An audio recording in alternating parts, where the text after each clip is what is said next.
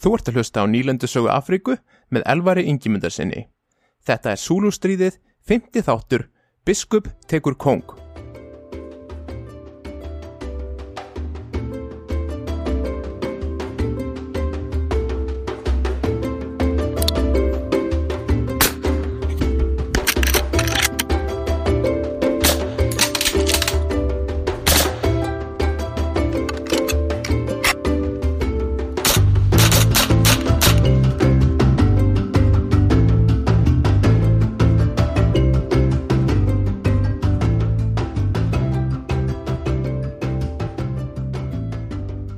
Síðasta þætti rættum við um bardagana í Norður Súlulandi í lok mars 1879, orustuna við Hlobane og ósegur Súlumanna við Kambúla.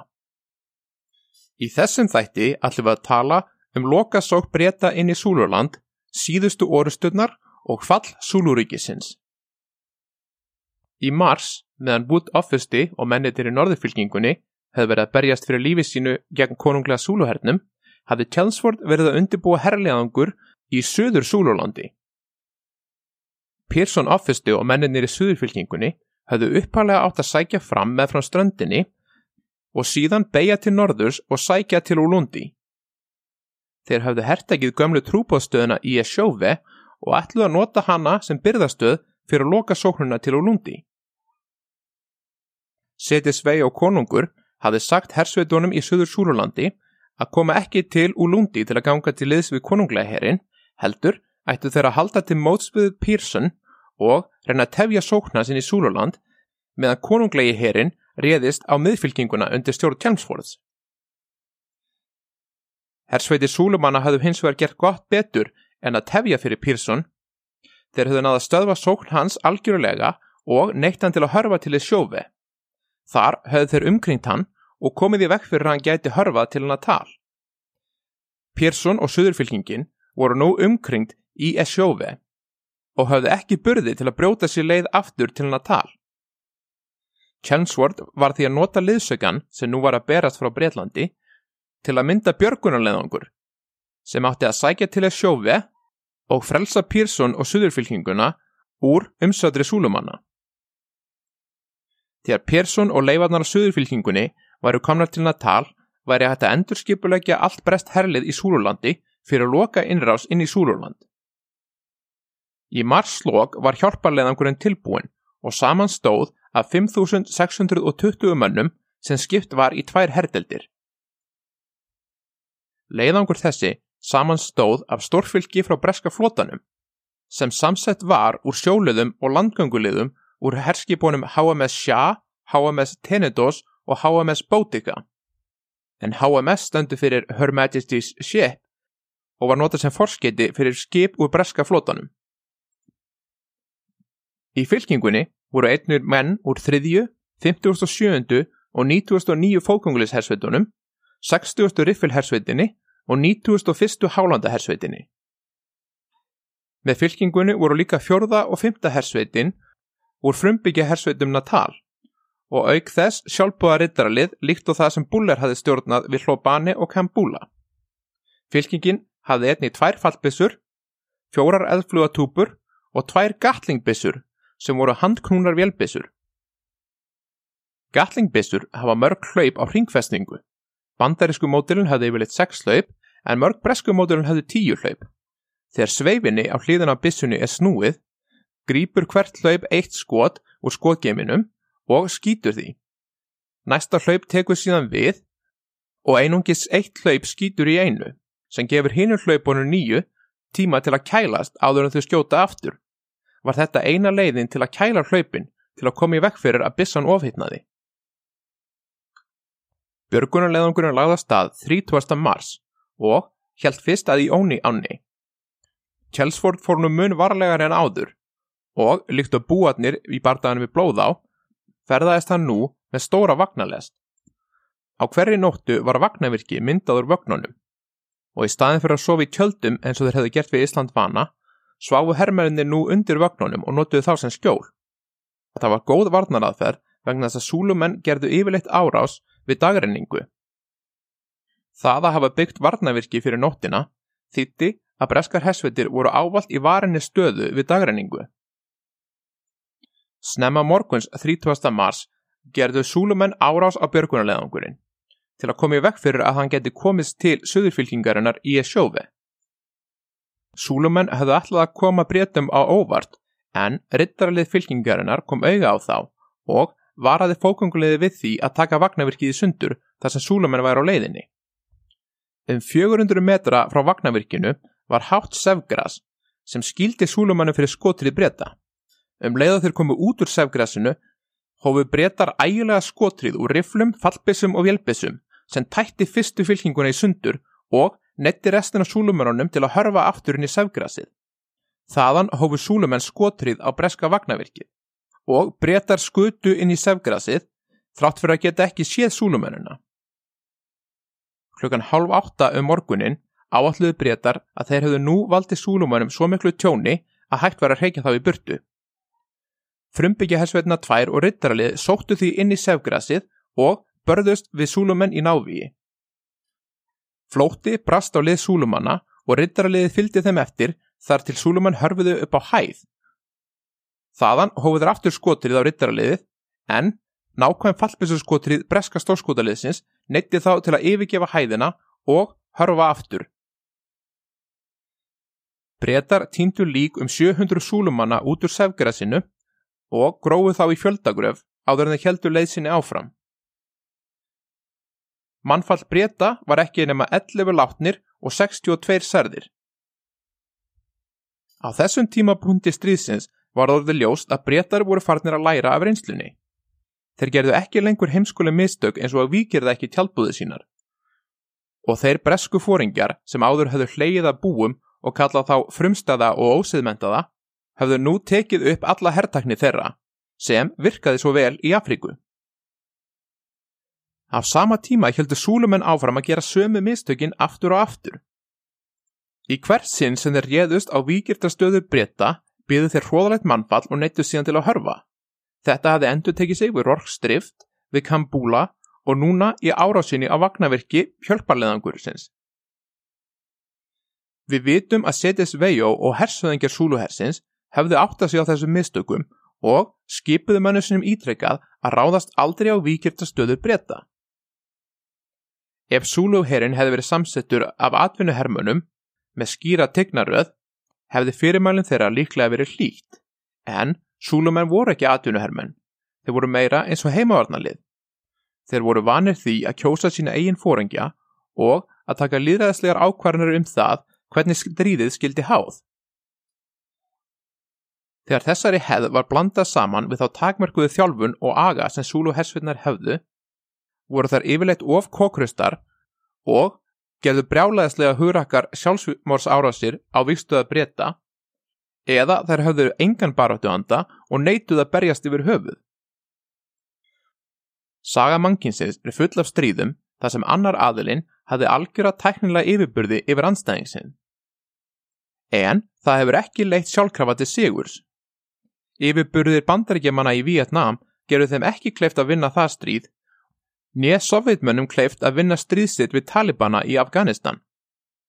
Stöðugar vopnasendingar bandaríkjamanna til Sáti Araba hafa ekki gert sátum kleift að sigra uppreysnamenn búa í Jemen, sem þó berjast nær einungis með vopnum frá 1960 eða 1970. Við ættum því að fara varlega í hudlegingar eins og þær að breytar hafi auðvitað unni stríðið vegna þess að þeir voru með betri rifla. Þar sem það kom mun meira til. Bretar höfðu vissulega betri rifla en þeir höfðu líka betri aga og betri þjálfun, betra byrðakerfi, fóringja sem lærða mistungu sínum og skýr markmið um það hverju þeir vildu ná fram í stríðinu. Allt þetta samanlagt gerði breytum kleift að gjörsigra súlumenn. En þó ekki án ósigra eins og þeir urðu fyrir við Ísland vana og hlóbane sem sínur okkur að súlumenn höfðu getu til að sigra breskar hersveitir við réttar aðstæður en í stað þess að berjast alltaf við aðstöður sem henduðu þeim gerðu þurr oft árásir á breyta í vikstöðum sem gerðu blétum kleift að vinna auðvelda sigra sem allir súlumönnum miklu mannfalli. Setni part dags, 3. april, kom björgunarleðangurinn til Esjófi. Þar komist þeirra því að sóttiti og aðrir hitabelti sjúkdómar hefðu herjað illa á suðurfylkinguna vegna þess hversu óvistlegar stöðvar þeirra í sjófu voru. 24 hefðu látist úr sjúkdómum og 150-200 menn þurftu spítalavist eftir að þeir voru fluttir til Natal.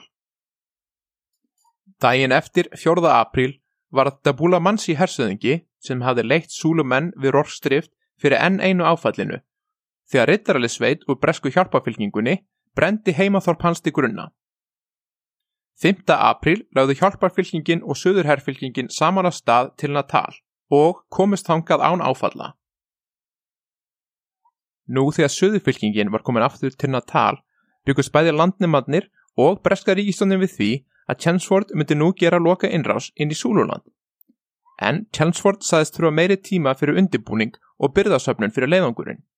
Og hann undirbjó, og hann undirbjó, og hann undirbjó. Allan apríl og allan mæ. Í apríl og mæ voru einu átökin millir breyta og súlumanna smá skærur milli konunasveita begja herja. Það markverðasta sem gerðist í þessum skærum var líklega andlát Louise Bonaparte, prins af Fraklandi. Keisaralegi prinsinn, eins og hann var alltaf kallaður, var sonur Napoleons III, keisara af Fraklandi, sem hafi tapað krúnunni í frank-prúsneska stríðinu 1870 þegar prúsar gerðu innrás í Frakland og gjör siguruðu franska herin. Napoleon III hafði verið sendur í útlægð með fjölskyldu sinni til Englands og sonur hans kom til Suður Afriku til að berjast með breska herden. Vegna þess að Louise Bonaparte var listræð og afar góður kortagerðað maður, fyldi hann kannunarlegangurum breska rittaraliðsins til að kortleggja landslægið í Súlulandi. Í einni slíkri ferð stoppaði rittaralhokkurinn sem hann var að fylgja í yfirgjarn með Súluþorpi til að borða hátægismat. Skyndilega auðruð þeir fyrir skotrið úr öllum áttum þar sem Súlumann hafðu komið sér fyrir á kortnögrunum í kringum þorpið og hafðu nú umkringt rittaraliðið. Tveir breski rittaraliðar letu samstundis í skotriðinni og afrísku leðsögumæðu þeirra reyndar kaupa í burtu en var tafalust rekin í gegn af Súlumannu sem náðu honum. Prinsinn sjálfur reynda komast á bak hesti sínum en datta baki. Hinn er rittaraliðanir sem riðu eins rætt og þeir gáttu út úr þorpinu tók ekki eftir því að prinsinn hefði dottið að baki.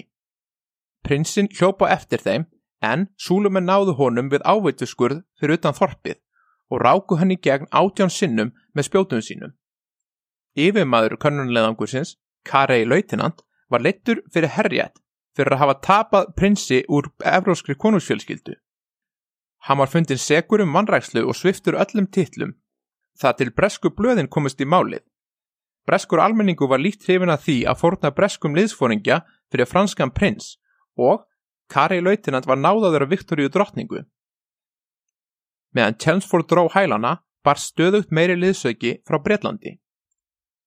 Í lok april hafði Chelmsford 15.660 evróska hermenn og 6.885 afríska hermenn, samtals 22.545 menn undir vopnum meira en nóg til að takast á við konunglega súluherrin. Þessu liði var skipt í þrjár herdeildir. Fyrsta herdeildin var undir stjórn Krílokk fylgisfúringja, en fylgisfúringi er tignin í breska hernum milli offusta og undirhersuðingja. Önnur herdeildin var undir stjórn Newdigate fylgisfúringja og þriðja herdeildin, sem að köllu létta herdeildin, var stjórnað af Wood offusta sem nú var hækkaður í tigl og gerður að fylgisfúringja. Léttaherdeldin samastóð af gömlu norðurfylkingunni auk liðsöka frá Breitlandi. Natal nýlendan hafði alltaf verið strjábíl og innviðir hennar svignuðu nú undir álæginu sem fyldi því að fæða alla þessa menn. Um leið og matabyrjana minguðu hækkuðu öll verð og erfitt var fyrir óbreytta borgara að útvöða sér matvæli. Bresku rittarliðshersveitnar hafðu komið 4000 hesta frá Breitlandi sem voru fljótir að geta upp allt rossafóður í nýlendunni og flytja þurfti þá til norðurnatal þar sem ekkit beitaland var fáanlegt í söðurnatal. Þar sem byrðaflutningar millir Breitlands og Natal kostuðu stór fjö og það að fæða alla þessa herminum var að setja nýlenduna á hausin, kröfðust bæði nýlendustjórnin og breska ríkisunin þess að Chensford heldi nú áfram stríðinu gegn súlamönnum og hætti að draga hælana. Þrátt fyrir það neytaði Chelmsford að sækja fram og heimtaði meiri byrðir, fleiri vagna og fleiri uksa til að draga vagnana. Á sama tíma held setjast Veijo áfram að senda sendibóða til breska hersins og byggja um fríðarsáttmála. Einn skilabóðin voru á þessa leið. Hvítu menninir hafa gert mig að konungi og ég er sonur þeirra. Drepa þeir síðdegis mannin sem þeir kringdu um morgunin? Hvað hef ég gert ránt? Ég vil frið, ég byð um frið. Vegna þess hver óvinsæl Chelmsford var orðin bæði í Natal og að Breitlandi ákvað breska ríkistöðin nú að skipta honum út þar sem hann virtist ófærum að klára stríðið sem hann og Bartul Freyr hafðu hafið. Ríkistjónin skipaði því Sir Garnet Wolseley yfirmann allra breska hersveita í Suðluta Afriku og konunglega landstjóra Natal, Transval og Súlulands. Með þessari skipum var bæði Bartul Freyr og Chelmsford í raun og veru vikið úr starfi, en þeir voru enþá löglegir fulltrúar krúnunar þar til Wolseley kæmist til Suður Afríku. Chelmsford hafði alltaf ímyndað sér að ef hann geti bara unnið eitt stóran sigur yfir Súlumönnum, myndi það þurka át skömmuna af ósýrunum við Ísland vana. Þegar hann herði að Wolseley var á leiðinni, hóf hann því loksins lokasók sína inn í Súluland til að reyna að klára stríðið áður en Wolseley kæmi. Hann skipaði fyrstu herðildinni að sækja með frá ströndinni og sveia síðan norður til að ráðast á Olundi. Í rauninni sömu fyrirskipanir og hann hafi gefið söðurfylkingunni við uppastriðsins. Á sama tíma myndu önnur herðildin og létta herðildin sækja inn í Súluland frá Dundee sem er um 35 km fyrir norðvestan Rorkstrift. Þaðan myndu þær sækja áfram til Olundi og allar hertildina myndu síðan taka þátt í lokaórustunni þar. Það var allavega hugmyndin en raunin var allt önnur. Sókt fyrstu hertildarnar með frá ströndinni gekk lötur hægt þrátt fyrir það að mótspyrna Súlumanna væri lítil og hún sótt einungis fram 50 km á 10 dögum milli 18. og 28. júni. Önnur herdeldin hafði lagt á staðum 3. júni og létta herdeldin hafði haldið söður frá norður Súrulandi til að hitta öðra herdeldina og saman sóttu þær nú fram til Olundi. Breska rittarliði helt upptegnum hætti og brendi öll þorp, bæi og búkarða súlumanna á leið hersins. Besta von súlumannu sigur hefði líklega verið að sækja fram gegn annari fylkingunni líkt og þurfið gert við Ísland vana og reyna að koma henni að óvörum en þeir veittu litla mótspyrnu og breytar byggði í mestu róliheitum röð byrðastöðva á leiðinni til Ulundi. Á hverju kvöldi stoppuðu fylkingarnar, settu sama vagnavirki sitt og grófi skografir í kringum það. Súlumann hefðu mörg tækifæri til að ráðast á fylkinguna meðan hún var á ferðinni en þeir nýttu þau ekki. Og í staðin beigð konunglegi herin eftir breytum í Ulundi. Chelmsford hafði keift nánast hvern einasta vagn og uksa í nýlendunni og hafði um 600 vagna og mörg þúsund uksa með sér. 27. júni voru breytar komnið nálagt úr Lundi og setið svei og sendið þeim nú gafir. Fílabein, nöyðgrippi og töskur Chelmsford sem hefði verið teknar við Ísland vana. En Chelmsford hafði engan áhuga á fríðaviðraðum. Hann þurfti eina loka orustu til að sanna sig og hann vildi því ekki íhuga neinar fríðarumleitanir. Snemma morguns 4. júli fóru breyta því yfir um Lessi ána og komið sér fyrir á hæð sunnan við Ulundi, höfuborg Súlumanna. Milli þeirra og höfuborgarinnar var Imbilani áinn. Upp á hæðina dróðu þeir 200 vagna og stórskotalið sitt og byði þess nú að Súlumenn síndu sig. Upp á hæðinni höfðu breytar um 5165 menn, fókungulið, rittaralið og stórskotalið. Vagnarnir voru settið saman í ferirning og stórskotalið sett í hornin á fyrirningum þaðan sem það gætt varið tvær hliðar fyrirningsins. Meiri hlutin af fókunguleginu kom sér fyrir uppi á vögnunum en einu undirfylgi var haldið eftir á hverri hlið til að styrkja výliruna ef súlumenn virtust líklegir til þess að brjótast í gegn. Rittaraliðu undir stjórn Buller reið síðan að ánni til að geta skotið á súlumennu leða þeir fæðru yfir ána. Setið Sveio hafði kallað allan konunglega herin saman í Úlundi en margir af mönnum hans höfðu fengið nóg að hernaði og syndu ekki kallinu heldur heldur sig heima til að reyna að verja heimilið sín fyrir rittarliði breyta sem fóru um rænandi og upplandi. Súlumenn höfðu því líklega ekki nema um 12-15.000 menn í Úlundi og margir af þeirra bestu hermönum voru hann annarkort látnir, særðir eða letu ekki sjá sig. Margir súlumenn voru þrátt fyrir það æstir í að ráðast að breyta upp á hæðinni, en setið Sveig og áttaði sig á því að menn hans hættu engar möguleika á sigri ef þeir enda að gera árás á breyta í vikirtileg stöðu. Hann ákvað því að gefast upp sjálfur og skipaði hyrðmönnum sínum að fylgja sér þar sem hann hefðist halda til breyta og gefast upp fyrir þeim, skilurist laust. Þegar hann kom að výlinu sína eigin hersveita, neituð þeir hins vegar að hleypa honum í gegn þar sem þeir þóldi ekki tilhugsunum það að konungur þeirra myndi lítilæka sig fyrir bretum. Setið Svei og hörfaði því tilbaka og skipaði fjölskyldu sinni og hyrðinni að yfirgefa höfuborgina og halda norður. Auk þess skipaði hann öllum borgurum sem ennþá voru í Úlundi að flýja, þar sem hann þóttist vissum að bretar myndi brenna Úlundi til grunna. Nitsing Vei og Kama Hóli var ennþá hersanengi Súluhersins allavega nafninu til og Miyamana fósittisráþara voru honum enn innan handar. Hinn heimilislausi Dabula Mansi, fóringi Súlumanna við Rorstrift, hafði snúið aftur til hyrðarinnar eftir að breytar brendu heimilegans til grunna og hafði aftur verið skipaður undirhersuðingi í hernum. Þrátt fyrir að setja svei og hefði ekki vilja berjast, heimtuðu hermurinnir og undirfóringir hersins að fá allavega að reyna að reyka breyta í burtu. Um klukkan hálf nýju um morgunin sáu breytar því Súluherrin fara yfir Imbilani ána og mynda nautshöfðsfylkinguna til að reyna að ráðast á breska vagnavirkið úr öllum áttum. Hersöðingir Súlumanna verðast ekki að hafa neyn áhrif á þannig bardaga og hver og einn hersveit barðist í raun einn og stutt ekki hver aðra eins og þeir hefðu gert í fyrir orustum. Rittaralið undir stjórn Búles hóf skotrið á Súlumennur leiðið fór yfir Anna og hörfaði síðan á vagnavirkinu um tí mínutur í nýju, líkt og það hefði gert við Kambúla. Það var nánast auðjörð þúsund metra í kringum hæðina þar sem breytar höfðu komið sér fyrir og þeir hóið því skotrið á súlumenn á kilómetrisværi. Súlumenn síndu ótrúlegt hugræki þegar þeir hljópu í gegnum skotrið breyta og komust 70 metra frá vagnavirkinu. En þar voru þeir borðnir ofurliði og vélbissuskotriðin, pallbissuskotriðin og riffilskotriðin tætti fylkingar þeirra í sundur. Ólíkt fyrri orastum höfðu breytar nú rittarlið úr konungla rittarliðinu og 17. lensuður rittarliðshersveitin reyði nú út frá virkinu. Vopnaðir tæplega 30 metra langum lensum úr stáli reyðu rittararni til hliðar við súlumenn og gerðu síðan árás inn í hlið þeirra.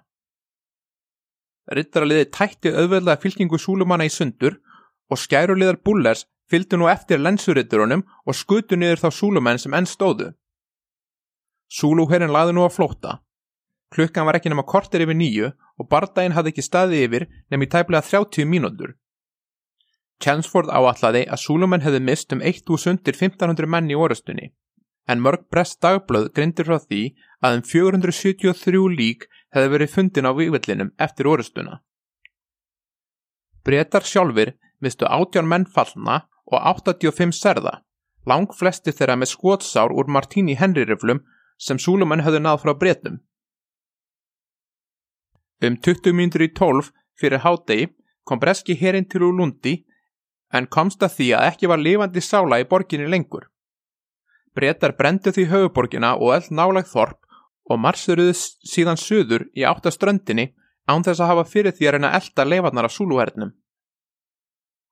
Vúlsli var reyndar komin til Suður Afríku en Chelmsford hafði hundsað öll skilabóð hans þangu til Olvustam að búin. Nú þegar hann hafði loksis unnið loka sigurinn sem hafði dreymt svo lengi um, var hann tilbúin að halda heim og láta vúlsleið það eftir að klára stríðið. Mars, april, mæ og júni hefði verið rólegir mánuðir fyrir Henry Harford, sem hafði eitt þeim í Rork strift. Það var svo sem nóg að gera, það þurfti að útvega matvæli fyrir herin, fylla út endalus eigðublöð og pappira og finna eitthvað að gera fyrir fóringjana og undirfóringjana úr frumbyggjarsveitinni sem hefði ekki lengur neina afríska hermenn til að skipa fyrir, þar sem sveitin hefði verið leistu upp og einungis kvítufóringjarnir voru eftir í rorstrift. Mesti höfuverkur hans var hinn spilti byrðafóringi Brownrigg Major, sem neitaði að láta Henry og aðra fóringja hafa peningana sem þeir þurftu til að kaupa matvali af bóndabæjum búa í nákvæmniðinu. Brownrigg Major var of upptekið með að draga sér fjö úr sjóðum hersins til að finna matvali fyrir sveitinnar, en Þegar herin fór loksins að rannsaka starfsemi hans, kveiknaði skindila í skrifstofa hans og öll sönnunagögn föðruðu upp. Þessi eldsvoði þótti svo grunnsalegur að Bránreik var sviftur aldrei tegn og rekin úr hernum og sendur heim frá Afríku. En fjöð sem hann aði stólið endur heimdi herin aldrei. Loks fekk Henry þó ljósmerkjaskeiti um að aflesingamadur hans í 1909. hersveitinni, Davidson Lautenant, hefði látist í að sjófi og hann var því beðin að ganga aftur til liðs fyrir 1909. hersveitina. Ljósmerkjaskeiti voru mikið notuð á sléttum Afríku af breska hernum. Hver hersveit hafði með sér speil og sjónuga. Speilin var notaður til að búið til ljósklampa sem notaður voru til að senda morskilabóð og með góðum sjónuga var hægt að sjá ljóskilabóðin úr langri fjarlægð. Henry hjælt í til Maritsburg til að skila hestinum og riflinum sem hann hafi fengið frá ríkistjóðinu í Natal og til að ná í laun sín en hann hafi ekki fengið útborgað síðan hann kom til Afríku. Russell höfusmaður, byrðastjóri nýlendustjórnarinnar í Natal, saði Henry að hann væri fyrsti fóringin til að skila búnanum sem hann hafi fengið frá ríkistjóðinni. Allir aðrir fóringjar sem hafi fengið búnað útlutað frá nýlendustjórninni Natal virtust hafa tínt honum. En fyrir algjöra tilviljun var einnig fjöldi rifla mertnur ríkistjóðinni í Natal til sölu á svartamarkaðnum. Henry fór þínast til launastjórnans þar sem herin skuldaði honum nú 90 pund fyrir þjónustu hans í frumbyggjarsveitinni. Um það byrð tvöföld árslauns meðal verkamanns á Breitlandi og því miklir peningar. Hann komst hins vegar að því að Lonsdale Commandant, fóringi frumbyggjarsveitinnar, hafði glemt að skrifa undir launaseðla fóringja sinna að fór í frí til höfðanílendunar og því að enginn fengi útborgað. Á þessum tíma buðu breskir bankar hermönum sérstakar sparireikninga og launastjórin spurði Harfordi hvort hann ætti eitthvað á slíkum reikningi. Harford saðist eitthvað 38 pund og launameistarin borgaði því honu þá uppað gegn því að Henry skrifaði undir tjekka fyrir 38 pund hjá herrbankanum. Banki 1909. hersveitarinnar fór síðan á hausin nokkru mánuðin síðar og vanræksla Lonsdales sparaði Henry því 38 pund. Í Marisburg borðaði Henry alltaf hátdeismat og kvöldmat í fóringjaklubbi borgarinnar og var hissað þegar hann komst að því að Afrikumæður hefði komið að spurja eftir honum reglulega undanfallna daga. Næst þegar þessi Afrikumæður kom að spurja eftir honum var Henry látin vita og var hissa þegar þetta reyndist verið af hermónunum úr þriðji frumbyggjarsvitinni. Þegar þriðja frumbyggjarsvitin var listu hafði þessi náingi verið ráðinn í aðra frumbyggjahersvitina og hafði tekið þátt í orustunni við Ulundi. Eftir orustuna hafði hann á vývöldinum komið auga á stígvelið sem hann þekkti. Vinstra stígvelið úr stígvelaparinu sem Henry hafði keift áður hann að hjælt til Afríku og var með nokkuð sérstöku minstri. Inni í stígvelinu fann hann tvo tópasklúta með nafninu hans Henrys. Á leiðinni aftur heim ákvæðan því að koma við í Maritsburg og reyna að skila þeim til Henrys. Henry var afar gladur að endur henda stígvelið og tópasklútana sem hann hafi skilið eftir í Ísland vana áður en búðunar fjallu og verlunaði þennan félaga sinn ríkulega og lísti honum sem hennum besta karli. Frá Maritsburg hjælt Henry til Tugela ánar þar sem 1909. fókungliðshersveitin og 88. konungla írska hersveitin höfðu slegið upp tjöldum. Eftir að hafa verið þar í nokkra daga fretti hann að því að verið var að setja saman herrflokk til að leita að setja Sveijó og hann var beðin um að koma með sem tólkur þar sem hann var einn að fáum fóringum sem talaði súlumálið. Leiðangurinn undir stjórn Clarks offusta held nú til á Lundi til að hitta Volsley sem hafi komið upp höfustöðun sínu þar. Þegar þeir voru næstuði komnir til úr Lundi lendi herrflokkurinn í ægilu og óveðri sem reif bæði trí og kaktus á upp með rótum og tætti tjöldir í sundur og draf náðast alla uksana sem þeir höfðu til að draga vagna sína. Eftir að var loksins fengi nýja uksa frá Úlundi heldu þeir á stað en höfðu nú ekki nóg mikið uksum til að halda áfram með allan herrflokkin. Stjúart höfðismadur, Harfor lautinant og þrýr aðri fóringjar heldu því áfram með tvo múlasna til að bera byrðið sínar.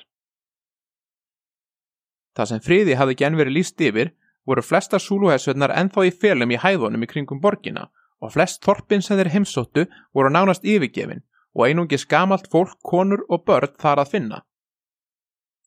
Eftir marga raunir, þar að meðal eina þar sem þeir þurfti að draga annan múlastnan upp úr ánni með reypi þar sem hann ákvæmt að setjast niður í miðri á og neytaði að færa sig, komist þeir að bæ þar sem höfðingin som Kele frændi Sitis Vejo réð ríkjum.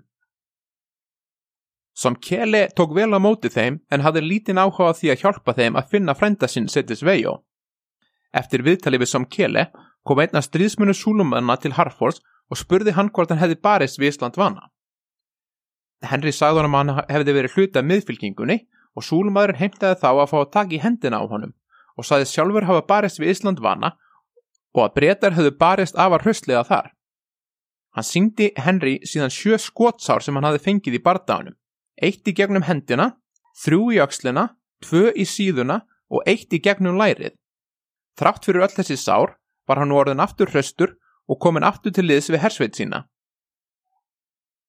Ef setjast vegi og fundur korki tangunni tétur og heldur því tilbaka. Clark offusti held nú að stað með meginfylgninguna í leit að sittið sveijó og hafði sittið leðsagnar norska trúbóðan Martin Oftebröð sem hafði alist upp í Súlulandi. Fóreldrar Oftebröð hefðu líka verið trúbóðar og hann hafði meiri að hitt sittið sveijó áður. Undir hans leðsögn fund þau loks konungin og að rittaraliðið hafði umkringt bústað hans fór Oftebröð inn og samti við konungin um að koma út með fjölskyldu sinni. Nú þegar litliði norski trúbóðsbiskupin hafi tekið kongin var setið svei og fluttur í varðhaldi í Marisburg og þaðan fluttur til höfðanýlendunar. Henry Harford var þó ekki laus allra mála strax því að fylkingin hafði nú yfirumsjómið því að afvopna súlumennina. Súlumennir voru þó slægir og í standis að skila inn nýju Martíni Henry-reformum sem þeir höfðu tekið að breytum, skiluðu þeir inn gömlum og riðguðum framhlanningum og þöldu Henry-reformana þar til breytar voru farnir. Fjörði júli, dagur orustunar við Úlundi, er oftalinn marka lok súlustriðsins, en raunin er þó aðeins floknari. Í raun og veru fjaraði súlustriðið út eftir bardagan þar sem höfðingjar komu og gáðist upp fyrir breytum.